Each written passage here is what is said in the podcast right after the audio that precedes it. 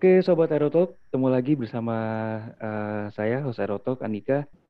Uh, kita kembali lagi berbincang santai terkait dengan uh, ilmuwan di dunia penerbangan, aeronautics, aerodynamics, dan ilmu-ilmu turunannya. Kita di sini akan bahas secara santai bersama narasumber yang uh, menarik tentunya ya. Uh, narasumber kali ini atau tamu kita kali ini ini adalah seorang uh, engineer ya, uh, seorang engineer muda dari salah satu uh, manufacturer pesawat yang based onnya di di Europe.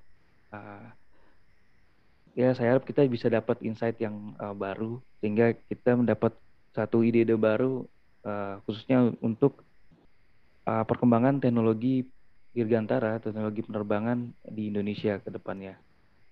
Oke, saya perkenalkan Uh, di sini ada Mas uh, Rivaldi. Halo Mas Rivaldi. Halo Bang Andika. Senang okay. bisa berjumpa lagi ya. Oke, okay. senang banget bisa ketemu lagi sama Mas Rivaldi ini. Uh, Mas Rivaldi ini uh, di sini ini sebenarnya mimpinya dari dulu beliau bisa uh, kerja sebagai aerodynamic engineer di uh, satu salah satu manufaktur pesawat yang cukup besar di di Eropa ya. Mungkin langsung saja Mas Rivaldi uh, perkenalan singkat ya silakan. Ya, terima kasih Bang Andika. Uh, jadi perkenalkan semuanya, nama saya Rivaldi. Sekarang saya bekerja di Airbus uh, di divisi Flight Physics sebagai Aerodynamics Engineer. Nah, uh, sebagai Aerodynamics Engineer ini sebetulnya saya baru tiga bulan uh, kerja di Airbus UK. Uh, tapi di Airbus saya sudah dari tahun 2016 dan waktu itu di Airbus Helicopters. Oke, jadi sejak 2016 dan sekarang uh, mungkin sejak tiga bulan yang lalu pindah ke uh, UK ya, Mas Rivaldi ya, untuk iya, di betul, Bang. Airbus UK. Tentunya lebih luas lagi dari dari helikopter ya, yang ya lebih menantang lagi nih kasus-kasus yang ada di di sana. Oke, okay. thank you Mas Rivaldi waktunya. Mungkin yang saya penasaran pertama pengalamannya Mas Rivaldi nih terkait dengan uh, aerodynamic design sebelum di Airbus sebelum tahun 2016 setelah tahun 2016 dan sekarang itu seperti apa? Silakan Mas Rivaldi. Oke, untuk pengalaman aerodynamics ya. Jadi kalau misalkan kita bicara pengalaman saya, mungkin saya akan coba cerita dari uh, waktu saya di zaman kuliah. Jadi dulu itu sebetulnya cita-cita saya nggak ada hubungannya sama sekali dengan teknik penerbangan atau aerospace. Dulu sebelum saya masuk kuliah, saya itu inginnya ngebuat robot, Bang. Jadi kalau ngelihat teknologi uh, robot di luar negeri waktu itu, misalkan di US atau di Jepang itu kan keren banget ya. Ada yang membuat robot uh, bentuknya manusia, ada yang membuat robot bentuknya binatang, dan uh, di situ saya tertarik untuk belajar gimana mechanical robot itu bisa dibuat gitu di di uh, industri uh, industri besar. Nah, uh, akhirnya pilihan saya waktu itu masuk ke Fakultas Teknik Mesin Dirgantara di ITB dan setelah saya mendalami satu tahun waktu itu di FTMD, eh, saya eh, mengenal yang namanya teknik perbangan ini. Dan eh, ternyata teknik perbangan ini menurut saya waktu itu jauh lebih menantang dibandingkan eh, eh, robotika yang sebelumnya saya ingin coba dalami. Kenapa? Karena eh, kalau misalkan ngebuat robot di darat aja itu sulit, apalagi kita ngebuat sebuah robot atau sebuah mesin yang bisa terbang, ya kan? Karena yang namanya pesawat itu kan juga dibilang uh, robot atau mesin uh, betul kan karena kita punya banyak sistem uh, yang otomatis di dalam pesawat yang bisa membuat orang itu orang-orang untuk terbang di ketinggian tertentu ya kan jadi karena waktu itu saya orangnya sangat suka dengan tantangan akhirnya saya tertarik untuk mendalami uh, aerospace teknik perbangan dan saya masuk ke teknik dirgantara di ITB, waktu itu namanya aeronautika. Dan setelah saya coba belajar lebih dalam lagi, ada satu topik yang benar-benar menarik perhatian saya, yaitu topik aerodinamika. waktu itu sempat diajar oleh uh, dosen Pak Joko Sarjadi yang tentunya waktu itu mengajarnya sangat menggebu-gebu, sangat menarik dan menginspirasi. Nggak cuma teoritik dari aerodinamikanya aja, tapi juga gimana aplikasinya dan uh, gimana kita bisa mengejar mimpi teknik penerbangan dan aerospace itu gitu di Indonesia ataupun di luar Indonesia ke depannya. Dan uh, saya juga waktu itu akhirnya mengambil tugas akhir di bidang high speed aerodynamics dibimbing oleh uh, Pak Romi uh, topiknya lebih ke sekitar intake high speed intake aerodynamics untuk super uh, sonic jet aircraft. Jadi bukan komersial aircraft, lebih ke military.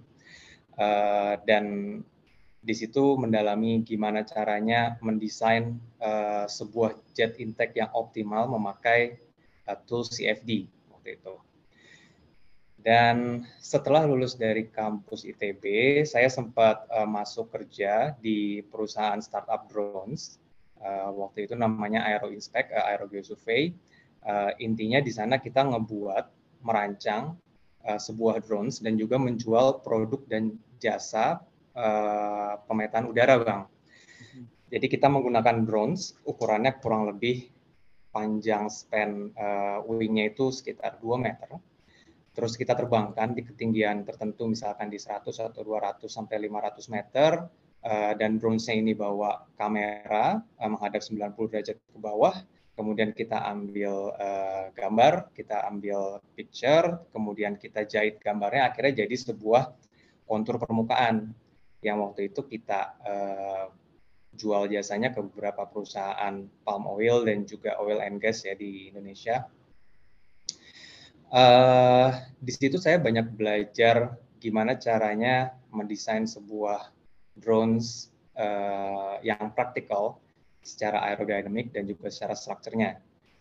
Dan itu sangat menarik sih. Jadi di sana saya juga belajar uh, konsep trade-off sebuah pesawat tuh kayak gimana. Kalau misalkan kita mementingkan aerodynamics, uh, berarti di uh, performa yang lain, misalkan di structure atau mungkin di uh, loads anemonya, uh, jadinya nggak sebagus yang kita inginkan atau sebaliknya kalau kita ingin performa yang bagus di bidang structure mungkin di aerodynamicsnya akan uh, tidak sebagus yang kita harapkan. Nah, di tahun 2016 uh, eh, saya dapat kesempatan waktu itu untuk uh, apply kerjaan ke Airbus Indonesia. Sebetulnya waktu itu di tahun 2016 masih Airbus Helicopters karena satu-satunya uh, divisi yang ada di Indonesia hanya Airbus Helicopters dan uh, open job yang waktu itu open adalah sebagai PPC atau Production Planning Control di bidang MRO helicopters di Indonesia. Nah, saya pikirnya waktu itu saya akan coba masuk ke Airbus dulu, walaupun sebenarnya passion saya ada di bidang desain dan juga di bidang uh, manufaktur. Nah, saya ingin coba belajar culture-nya itu seperti apa, ilmunya seperti apa, dan saya mau coba untuk melihat uh, mungkin aerodinamik dan desain helikopter itu uh, gimana sih supaya saya nanti bisa bandingkan dengan fixed wing. Waktu itu saya pikirnya kalau saya bisa belajar uh, helikopter dulu, mungkin nanti saya bisa belajar uh, desain dan aerodynamic fixed wing di dalam Airbus-nya itu sendiri. Tapi ternyata uh, asumsi saya salah bang. Jadi ternyata aerodinamik untuk helikopter itu jauh lebih menantang dibandingkan dibandingkan aerodinamik untuk fixed wing. Yeah. Kenapa? Karena kalau kita bicara fixed wing uh, itu kan sayapnya nggak berputar ya. Mm-hmm. Jadi sayapnya itu kan uh, fix. Uh, kemungkinan nanti ada uh, bending karena ada aeroloads-nya, tapi ya sebatas itu aja gitu. Sedangkan kalau misalkan di helikopter, kalau kita bicara soal aerodinamik di uh, blade-nya, blade-nya itu kan berputar. Jadi selain kita bicara soal turbulent, kita juga bicara soal uh, rotating flow dan itu jauh lebih menantang uh, dibandingkan uh, analisa aerodynamics di di fixed wing. Nah, uh, di tahun 2018 saya dapat kesempatan untuk lanjut S2 ke University of Glasgow di UK dan uh, saya masih sebagai karyawan Airbus Indonesia waktu itu bang. Saya bilang ke uh, mereka, uh, saya nggak mau keluar dari Airbus Group, tapi saya mau mengambil satu tahun untuk S2.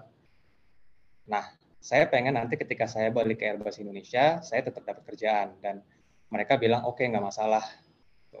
Karena mungkin uh, apa yang saya akan ambil untuk S2-nya itu juga bisa jadi benefit untuk Airbus. Jadi selama saya S2 di uh, University of Glasgow, saya masih menjadi karyawan Airbus, tapi uh, dihitungnya unpaid leave, nggak digaji.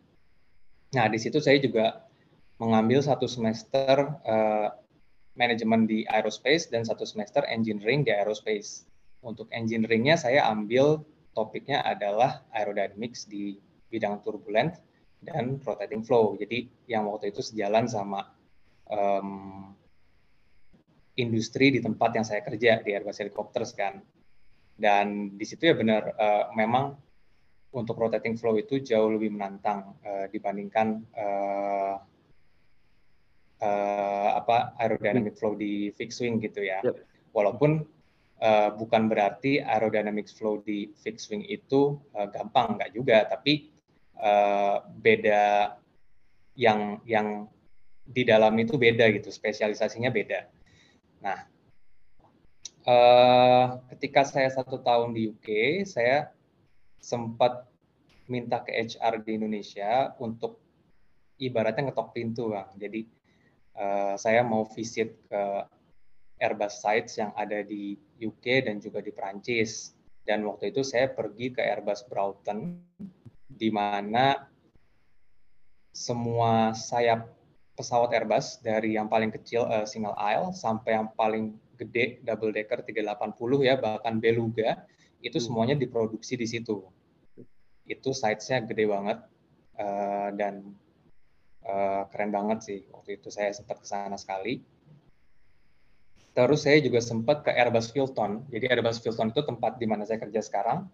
Dan di Filton ini uh, adalah pusat engineering di UK dan kita spesialisasinya di bidang uh, sayap dan juga landing gear. Jadi ada divisi aerodynamics, ada divisi uh, loads, ada divisi structure, divisi manufaktur, kemudian uh, wind tunnel juga ada, Kemudian uh, ada apa lagi ya di sini? Karena agak agak luas juga sih di sini uh, daerahnya. Jadi ada beberapa gedung kita punya spesialisasi tertentu. Dan uh, di sini kita kerjasama juga dengan Airbus uh, sites di tempat lain, misalkan yang ada di Spanyol, di Perancis, dan di Jerman. Nah, ketika saya main-main ke dua sites ini, saya juga sempat uh, coba cari opportunity ya buat kerjaan waktu itu. Dan sempat interview juga on the spot tapi semuanya gagal nggak ada yang berhasil. Akhirnya saya balik ke Airbus Indonesia di tahun 2019 saya lanjut kerja di sana sebagai project manager tetap di uh, bidang helikopters MRO uh, tapi saya punya cita-cita untuk tetap bisa kerja di Airbus di luar Indonesia, terutama di bidang uh, engineering kan. Dan saya akhirnya coba apply satu-satu, kalau nggak salah itu udah lebih dari 100 aplikasi yang saya coba kirim. Yep. Dan itu juga macam-macam, uh, ada yang di Singapura yang paling dekat, terus ada yang di Jepang, ada yang di Korea, ada yang di Prancis, Jerman, UK, US. Semua uh, dan akhirnya Enggak, enggak, enggak semua hmm. tentang enggak semua tentang aerodynamics. Uh, ada yang uh, project management, uh, terus juga ada yang riset, ada yang lain. Karena kita memang ada banyak banget kan ya divisinya di Airbus ini uh, dari engineering sampai sales, sampai finance, sampai manufaktur, sampai legal, uh, airworthiness itu semuanya ada kan. Uh, tapi akhirnya yang keterima, satu-satunya yang keterima adalah yang di sini Bang, yang di yeah. Airbus UK sebagai Aerodynamics Engineer. Itu satu yang keterima dari 100 itu? Itu satu-satunya yang keterima. Jadi ah. yang interview sih lumayan ada beberapa ya, um, mungkin 15. Terus yang udah sampai ke tahap tahap terakhir tuh udah ada beberapa juga, tapi sampai akhirnya yang ngasih uh, kontrak, offering kontrak itu cuma satu ini. Dan ya, alhamdulillahnya tuh pas banget dengan memang apa apa yang saya suka gitu di bidang iya. aerodynamics. Yeah. Gitu. Jadi uh, saya pindah dari Indonesia ke UK itu di bulan Januari 2022 dan mulai kerjanya di bulan Februari 2022. Dan tadi sebelumnya pernah interview juga di Fluton ini waktu pas uh, sekolah waktu itu ya on the spot tadi dibilang. Iya betul on the spot. Oke oke oke. Dan waktu itu ya hasilnya masih belum masih belum oke okay, gitu. Mungkin karena uh, saya juga waktu itu nggak punya banyak bayangan kan uh, tentang apa tentang posisi yang waktu itu saya uh, coba lamar karena kebetulan kalau waktu itu di bidang engineering uh, aerodynamics itu masih belum ada yang buka. Jadi hmm. waktu itu saya coba daftarnya ke bidang kalau nggak salah data analisis. Hmm. Iya, aviation data analyst. Gitu. Ini ini menarik banget pengalaman Evaldi dari awal ya, dari awal kuliah mengenal aerodynamics not only uh, teori ya. Di sana Pak Joko Sarjadi mengajarkan juga terkait filosofi dan praktikalnya seperti apa yang saya tahu juga seperti itu. Sangat menarik dan Betul.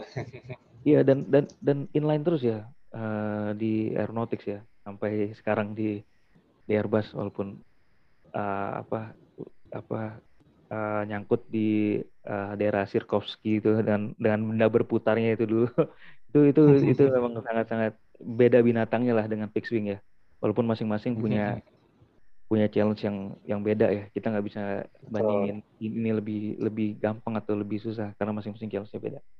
Ini menarik banget Mas Faldi dan tadi di, dibahas sedikit diangkat dikit terkait dengan apa yang diajarkan dulu tuh bahwa kita nggak bisa sendiri menang di aerodynamics karena uh, aerodynamics against with the apa uh, shape itu kerjaannya orang manufaktur. Kalau kita mau bikin pesawat yang so seksi gitu ya, ini PR banget buat orang manufaktur dan lain-lain. Jadi harus benar-benar kompromis satu sama lain. Jadi ya memang kita diajarkan sedikit ke ada agak helikopter view ya, ngelihat secara keseluruhan, lalu memutuskan titik desainnya tuh ada di mana dengan kelebihan dan kekurangan masing-masing. Tadi diangkat dengan oleh Mas Waldi sangat menarik sekali. Jadi itu kelebihannya saya saya kira ya kalau kita kuliah di di aeronautics di tempat kita kuliah dulu itu itu kelebihannya itu mungkin ya kita bisa kompromi dengan yang lain kita tahu bahwa nggak ada yang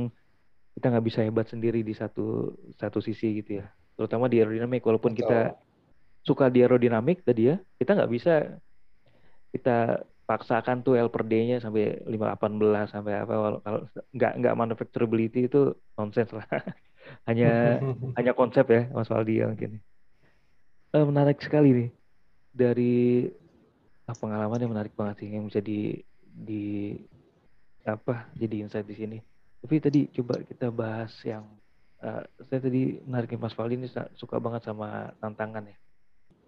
Uh, kira-kira ke depan nih tantangan yang ada di Airbus atau yang akan di chat sama Mas Faldi ini untuk 20 tahun atau 10 tahun 20 tahun ke depan nih terkait aerodynamics or Airbus sendiri itu tantangannya seperti apa sih? Kalau kita bicara tantangan ya Bang, uh, secara globalnya nih, uh, sebetulnya kalau misalkan kita kemarin ngikutin berita, sempat ada berita bahwa Eh, banyak industri di seluruh dunia uh, berkomitmen untuk menurunkan uh, emisi CO2 hmm. secara besar-besaran di tahun 2050. 2050. 2050 ya itu masih jauh ya sekitar 30 tahun dari sekarang ya. Nah, yang uniknya uh, di bidang aerospace uh, dan aviasi, uh, terutama di Airbus, kita berkomitmen untuk bisa memproduksi uh, pesawat yang mempunyai 0% emisi CO2 di tahun 2035. Jadi sekitar berapa tuh 13 tahun lagi ya. Itu jadi uh, ini adalah sebuah konsep pesawat baru menggunakan uh, engine yang baru juga. Dan kita fokus untuk menggunakan green energy. Nah, kalau kita ngomong green energy, pengganti fuel berarti ya, pengganti after di sini, itu ada beberapa sebenarnya potensinya. Uh, yang pertama, misalkan kita bicara soal biofuel. Kemudian yang kedua ada fuel cell. Terus kemudian yang ketiga ada hidrogen. Nah, cuman dari beberapa opsi ini, uh, yang paling memungkinkan dan realistis adalah menggunakan hidrogen, Bang. Jadi di tahun 2035 uh, kita akan mencoba untuk membuat sebuah uh, pesawat baru menggunakan energi hidrogen yang pastinya akan mengeluarkan 0% emisi CO2 uh, dari engine-nya gitu. Jadi ini menggantikan akan menggantikan pesawat-pesawat uh, Airbus yang sudah ada di pasar dan operation sekarang, tapi secara perlahan, nggak, nggak langsung semuanya.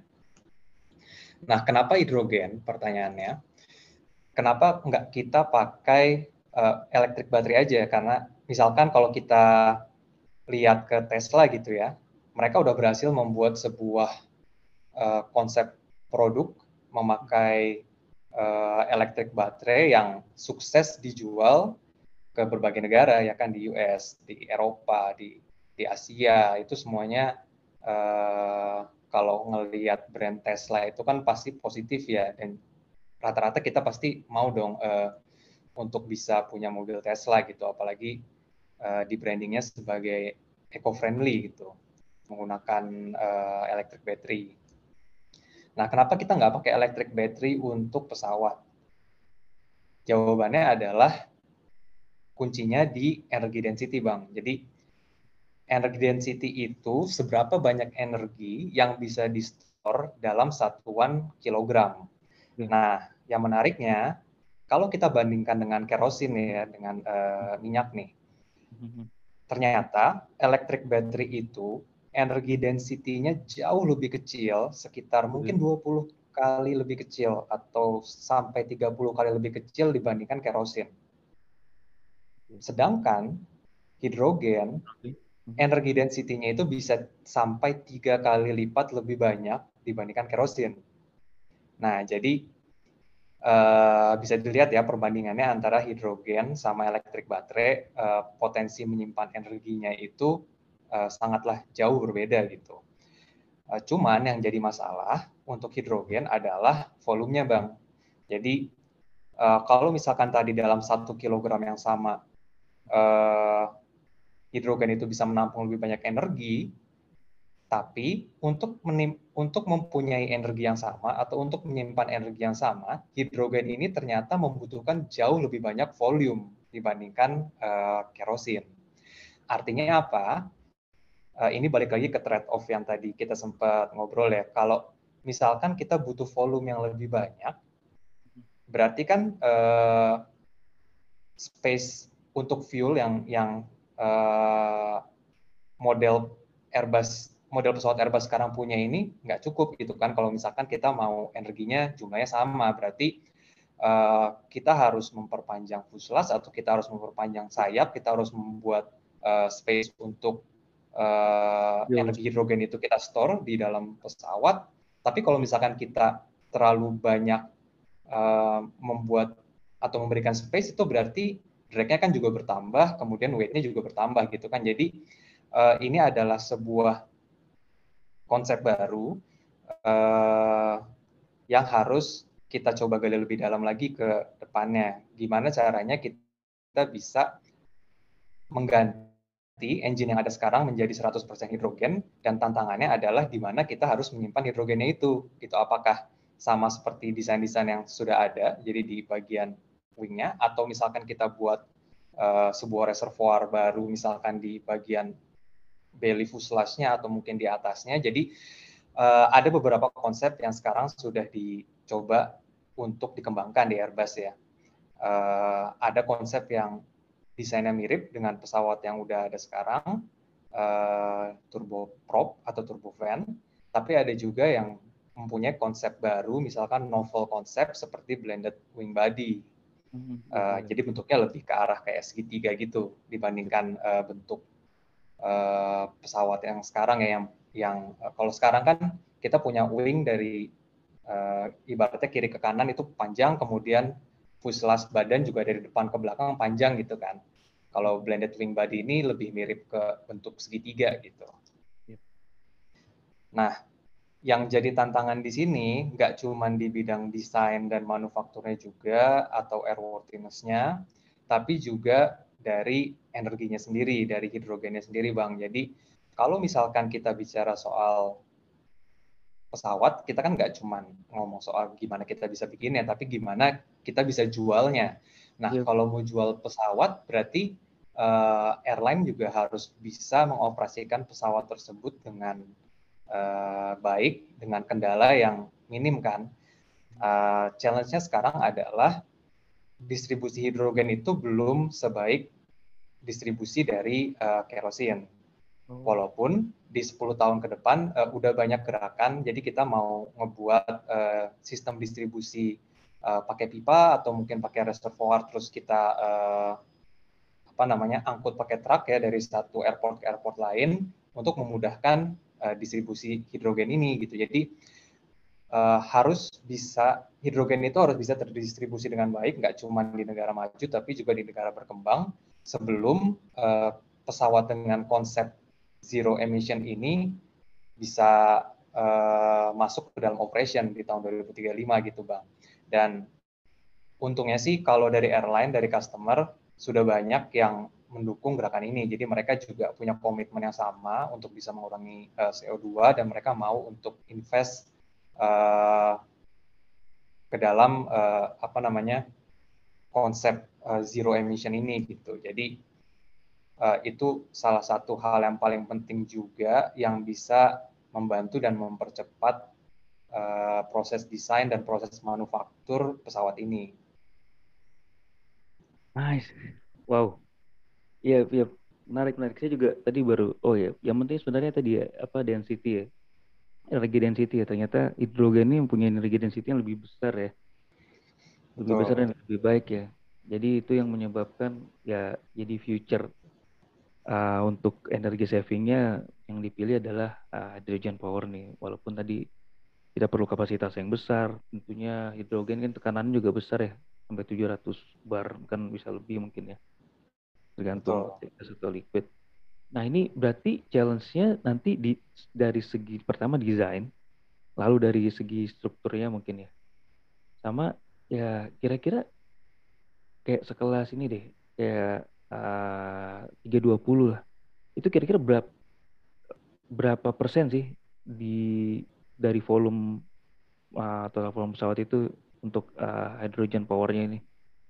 Kurang lebih ya dalam satu pesawat nih hmm, kalau boleh jujur saya nggak tahu sih bang berapa persen. Karena kalau untuk desain uh, zero ini ini kan masih di dalam tahap awal ya. Jadi bahkan masih belum masuk ke dalam program. Dan yang uh, benar-benar pegang desain konsep ini uh, bukan di bukan di flight physics Airbus. Jadi ada satu divisi khusus yang mereka emang di RNT-nya research and uh, apa teknologi. Uh, mereka punya development time khusus dan kalau nggak yang saya tahu adalah kita punya delapan konsep desain pesawat uh, untuk zero E ini. Jadi uh, ada yang tadi turbofan, turboprop, terus ada yang uh, blended wing body, terus juga ada yang reservoir untuk uh, hidrogennya itu di posisinya ada di bawah belly, ada yang di atas belly, ada yang bahkan didistribusi ke sayap dan itu beda-beda bang. Ada yang mungkin uh, lebih kecil, ada yang mungkin lebih banyak. Jadi uh, timeline kita di tahun 2025 baru kita bisa menentukan desain mana yang uh, lebih baik, yang paling baik, yang akhirnya bisa kita jadikan program uh, untuk fokus dari uh, melakukan desain lagi dari awal, dari scratch sampai akhirnya nanti bisa dimanufaktur gitu. Jadi memang ini masih ke arah konsep sih. 13 tahun itu lagi terus terwujudkan berarti ya? Iya, uh, targetnya di tahun 2035. 35 tadi ya, kurang lebih. Uh -uh. Menarik sih, menarik. Tapi kalau dari segi operator, uh, ini jauh lebih menguntungkan gak sih? Sebenarnya ya? Uh, tergantung bang, makanya sekali lagi uh, banyak banyak banget uh, parameter yang bisa mempengaruhi apakah nanti operator atau airline ini akan apakah mereka akan mudah untuk mengoperasikan pesawat hidrogen atau enggak. Salah satunya distribusi energi.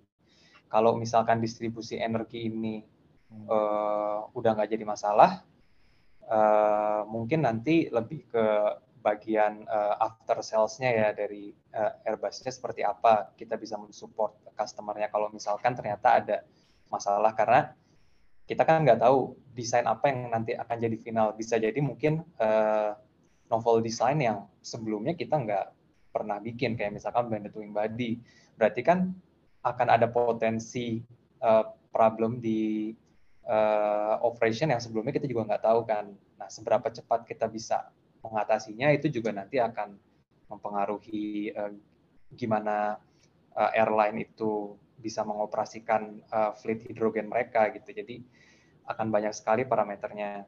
Cuman yang pasti kalau kita ngomong soal performa, memang performanya ini nggak akan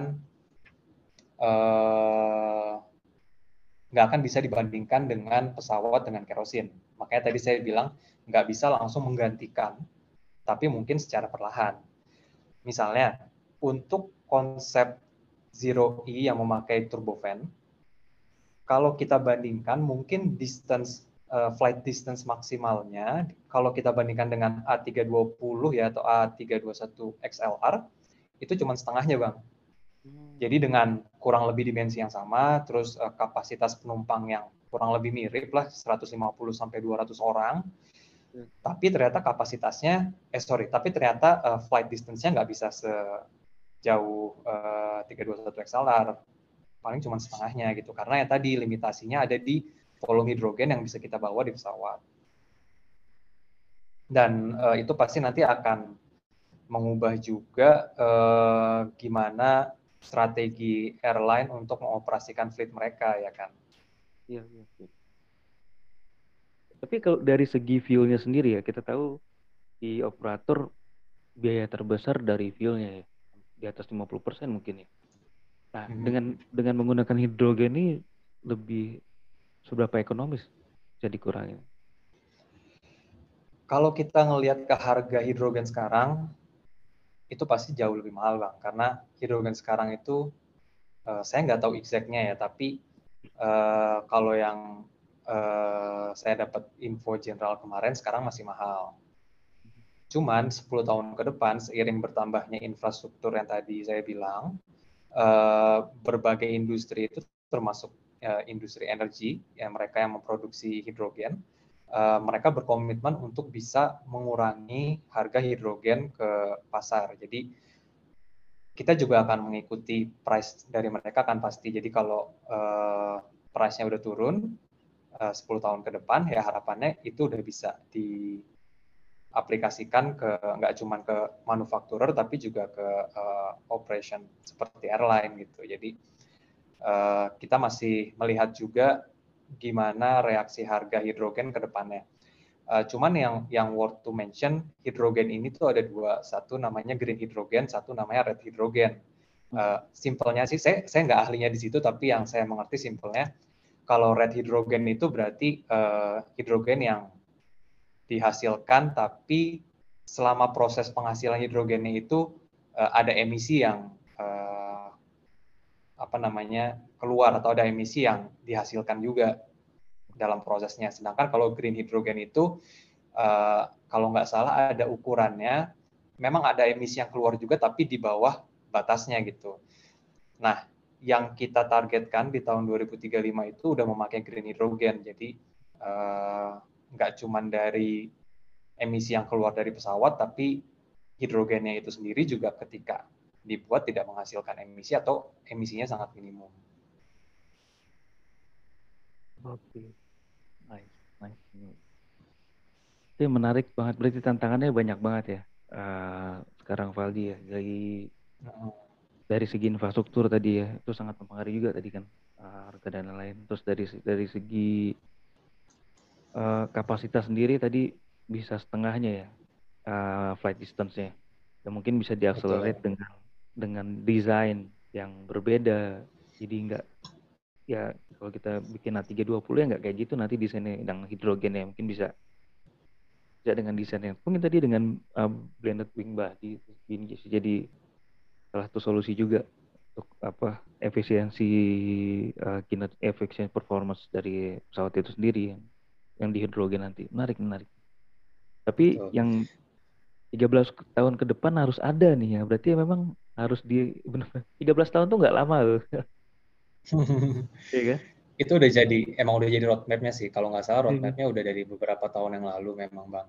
Dan uh, ya yang kita tahu kan kalau misalkan kita mau ngebuat pesawat nggak cuman uh, apalagi konsep baru ya nggak cuman di desainnya aja tapi di manufakturnya juga harus bisa mensupport itu gitu kan. Dan memang kalau di Airbus sendiri kita udah ada dulu itu nama programnya Future of Manufacture or something saya juga nggak ingat ya uh, tapi kita menginvest alat-alat baru dan pabrik baru untuk ngebuat pesawat yang dulu belum ada namanya si Zero ini. Cuman sekarang akhirnya di, dikhususkan untuk Zero ini. Jadi pakai uh, mesin yang jauh lebih efisien yang jauh lebih cepat. Jadi ramping up-nya tuh uh, jauh lebih bagus lah kalau misalkan dibandingkan dengan uh, pabrik di mana kita manufaktur pesawat-pesawat yang udah lama misalkan 320 atau um, 330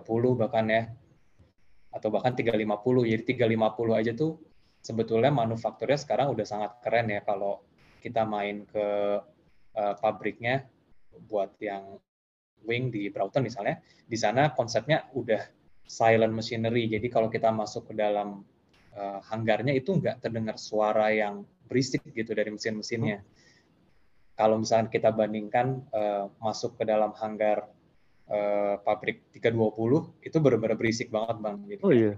Uh, semua suara tuh keluar di situ. Tapi kalau 350 tuh udah benar-benar kayak office aja. Paling cuma ada bunyi sedikit dan itu sangat tolerable. Dan itu pabrik dan, ya? itu pabrik. Dan 350 kan udah dari ya nggak lama banget tapi udah lumayan lama kan ya. Yeah. Nah untuk uh, Zero E ini kita punya uh, pabrik yang lebih baru lagi dan harapannya bisa ramping up-nya jauh lebih uh, efektif dan efisien lagi. Di Brighton juga? Uh, di Broughton juga. Oh, Oke. Okay. Eh, tadi tiga itu sehari berapa ya, Mas Faldi ya? Kurang lebih ya di di sana produksi pesawatnya? Oh, uh, sorry kalau yang di Broughton itu kan kita sayap ya bang jadi okay. uh, hitungannya deliverynya bukan berapa banyak pesawat tapi berapa banyak sayap. Jadi kalau pesawat itu tetap filenya kalau nggak di uh, Prancis di uh, Jerman. Tergantung family pesawatnya. Nah kalau 350 berapa ya? saya juga nggak hafal sih bang. Ada statistiknya cuman saya nggak terlalu uh, aware ke situ sih. Oke okay, okay di di sana berarti ya kirim wing ke ke apa ke Prancis atau ke Jerman tadi ya untuk di lebih lanjut. Pakai beluga. Iya. iya iya.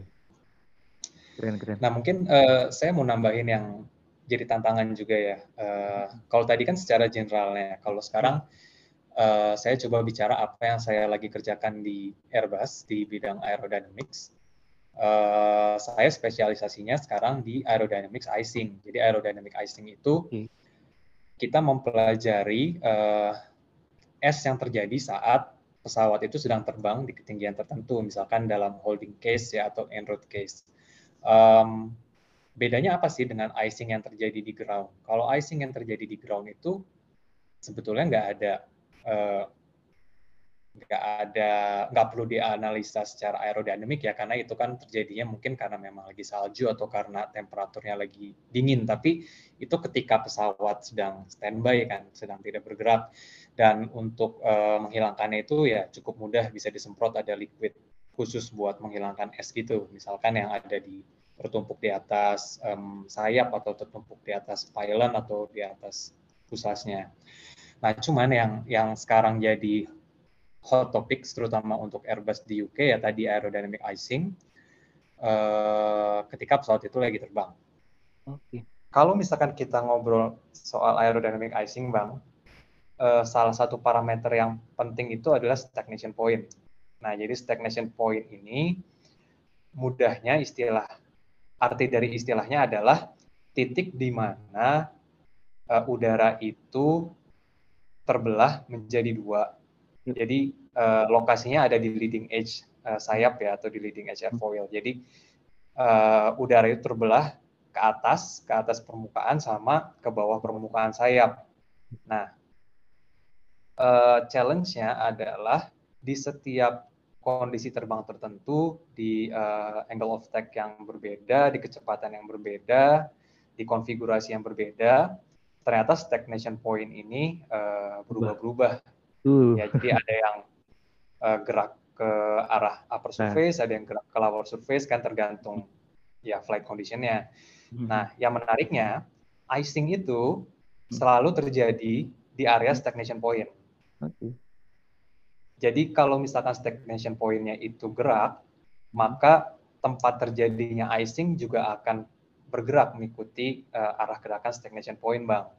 Dan icing ini kan bentuknya ada beberapa ya. Jadi ada yang namanya rim ice. Kalau rim ice itu mungkin yang icing hmm, ada lapisan beberapa milimeter di atas permukaan sayap ada juga yang namanya dual horn. Jadi dual horn ini ya ibaratnya tanduk ada dua, uh, satu di bagian atas, satu di bagian bawah, uh, dan ini sangat berpotensi untuk mengacaukan flow di sekitar sayap pesawat, bang. Jadi kalau misalkan ada icing, uh, kita punya potensi uh, lift loss, drag juga bertambah, kemudian uh, stall juga jadi jauh lebih cepat pastinya. Hmm. Nah, sekarang kalau uh, teknologi yang udah ada nih uh, di Airbus, kita kan biasanya pakai anti icing. Jadi anti icing itu dari bleed air engine kita salurkan uh, uap atau udara panasnya ke bagian dalam struktur sayapnya. Jadi ketika sayap itu uh, ketika es itu terjadi di sepanjang sayap itu bisa dicairkan. Cuman tantangannya kalau misalkan nanti kita bicara soal hydrogen powered aircraft, mm-hmm. yang pertama apakah masih ada uh, bleed air yang sama gitu kalau dibandingkan dengan engine yang pakai kerosin ya, yang pakai after. Nah, yang kedua desainnya juga apakah sama gitu kan. Jadi uh, kalau buat saya pribadi sekarang tantangannya adalah gimana caranya kita bisa uh, memetakan pergerakan dari stagnation point itu sepanjang sayap pesawat di konfigurasi yang berbeda-beda.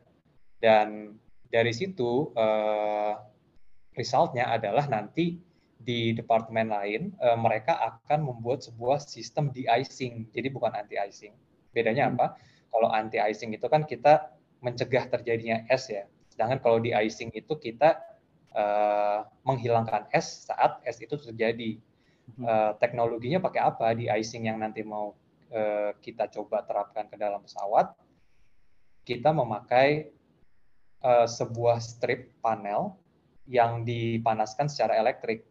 Mhm. Filamen gitu ya? Nah, uh, seperti filamen gitu bang. Terus nanti kita uh, mungkin dimasukin ke dalam uh, bagian kulit sayapnya atau di bagian dalam struktur sayapnya itu masih belum tahu sih. Uh, itu nanti di uh, apa call-nya bukan di aerodynamics itu ada di uh, departemen yang lain.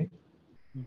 Cuman uh, berarti kan kita harus tahu kan berapa banyak area yang harus kita cover karena kalau misalkan kita salah memasang lokasi uh, stripnya itu ya nggak efektif jadinya mungkin kita pasang di lokasi A tapi ternyata icing itu terjadinya di lokasi B ya akhirnya nggak berguna juga gitu. Jadi hmm. uh, itu tantangan saya sekarang untuk beberapa bulan dan mungkin tahun ke depan gimana caranya kita bisa memetakan itu gitu.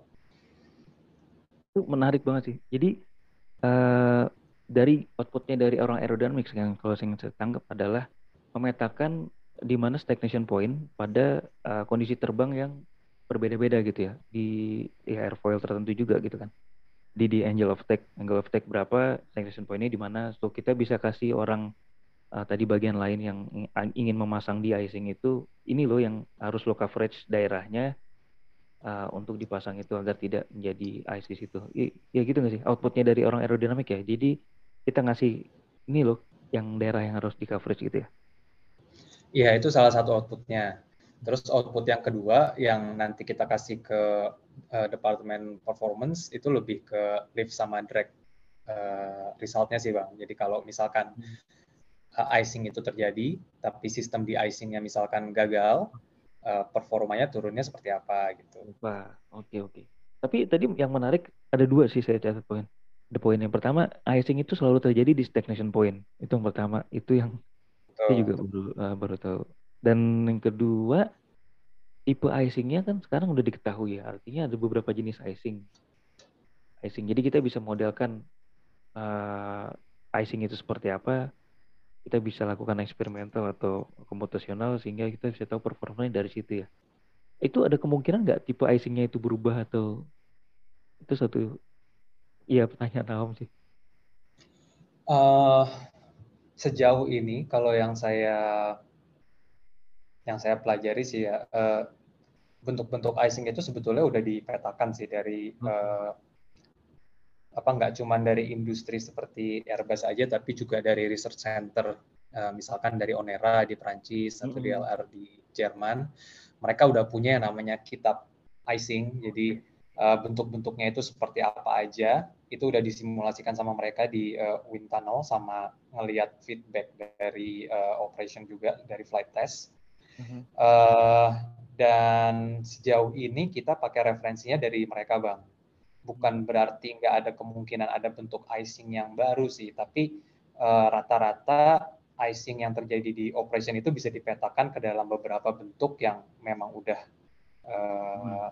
dianalisa sebelumnya gitu. Jadi misalkan dual horn yang tadi saya bilang ada dua tanduk ya mungkin mungkin ya di operation uh, bisa jadi dua setengah atau tiga tanduk tapi ya bisa dipetakan menjadi dual horn juga shape-nya gitu uh, dan sekali lagi kita juga selain mengamatinya secara empirik secara uh, desain teoritis ya kita juga pasti nantinya akan memasukkan model uh, aircraft tersebut dan kondisi terbangnya ke dalam wind tunnel. Uh, nanti kita coba untuk melihat ice yang terjadi itu seperti apa. Dan wind tunnel ini kan juga sebenarnya beda-beda ya Bang. Ada wind tunnel yang bisa memodelkan sampai kondisi di mana icing itu terjadi. Jadi model kita cuma cukup sayapnya aja misalkan atau uh, full body-nya aja, terus icing akan terjadi di situ. Tapi ada juga wind tunnel yang nggak bisa memodelkan itu, tapi kita bisa ngebuat model icingnya itu pakai uh, eh, 3D printing sekarang.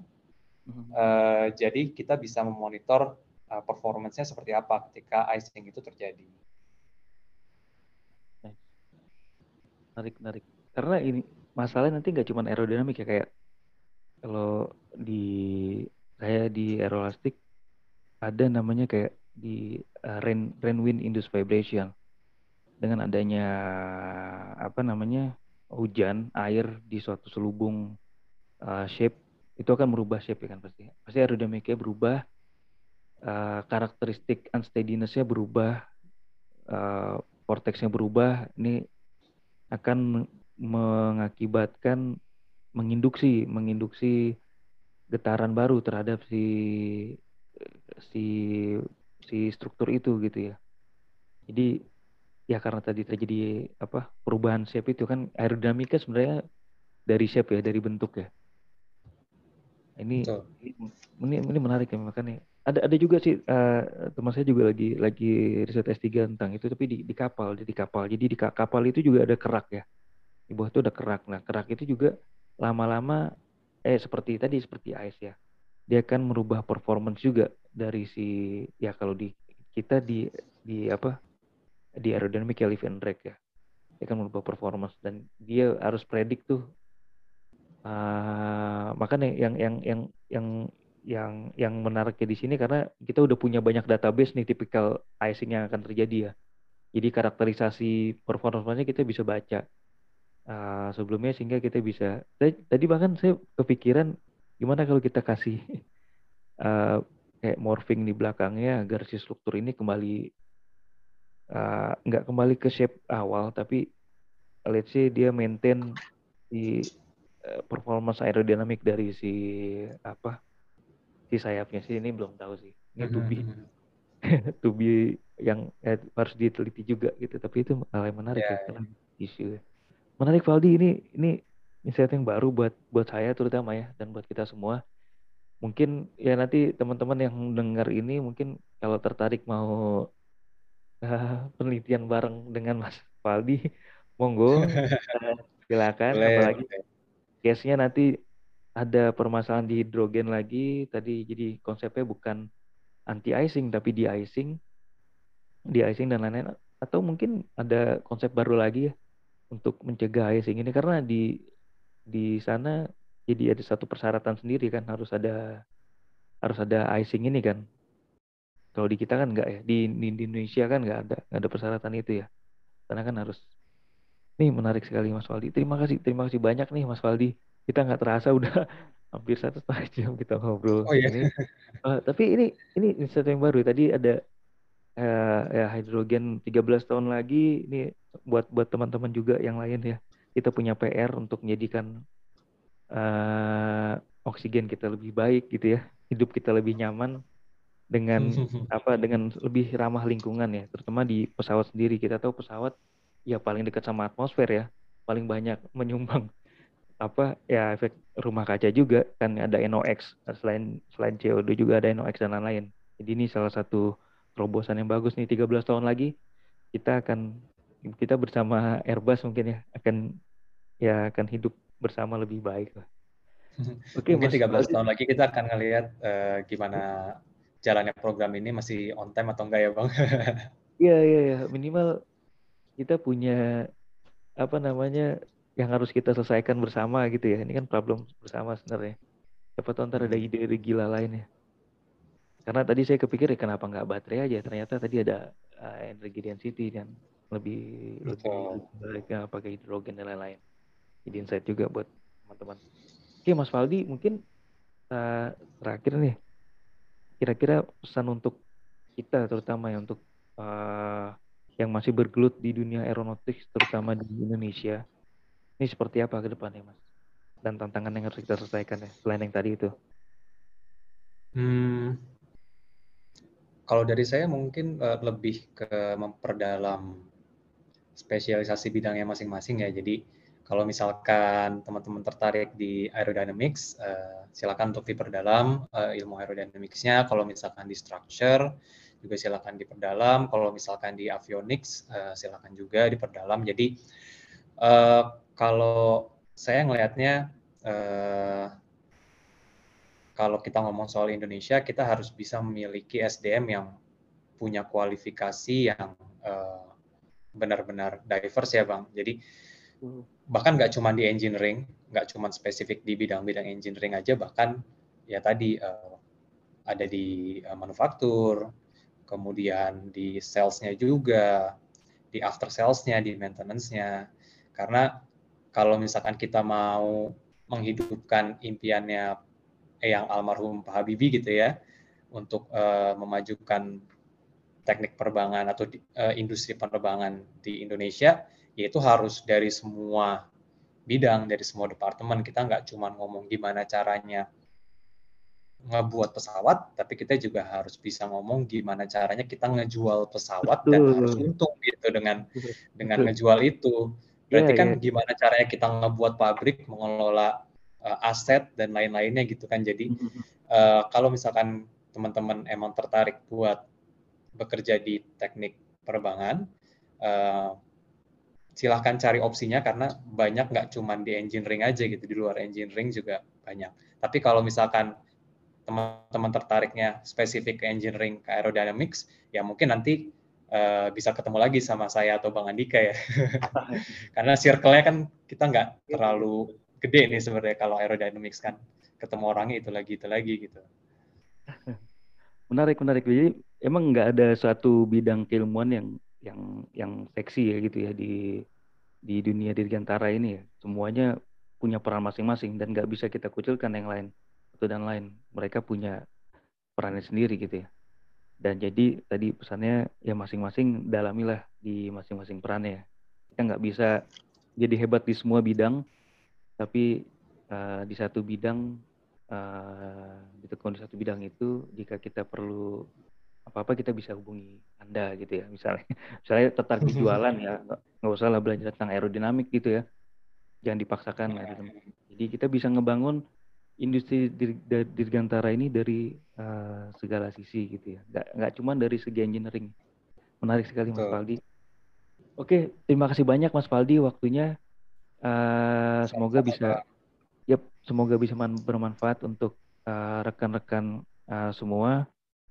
Uh, mungkin nanti kita bisa undang lagi nih untuk sesi khusus. Kan ini, ini, ini global ya, global sekali kita sekarang masih bicara. Nanti mungkin ada sesi khusus lagi, mungkin terkait dengan hidrogen atau dengan uh, yang lain kita bisa uh, undang lagi nih Mas Waldi. Terima kasih Boleh. banyak. masih Sama banyak. Bang. Saya yang makasih Bang. Ya, makasih banyak Mas Waldi waktunya. Selamat uh, beraktivitas kembali. Uh, tetap semangat untuk mengejar tantangan-tantangannya. Semoga sukses. Ya Mas Waldi. Sip, amin. Ya. Oke. Okay. Terima kasih Pak Andika. Uh, Yuk, terima kasih. Terima kasih semuanya.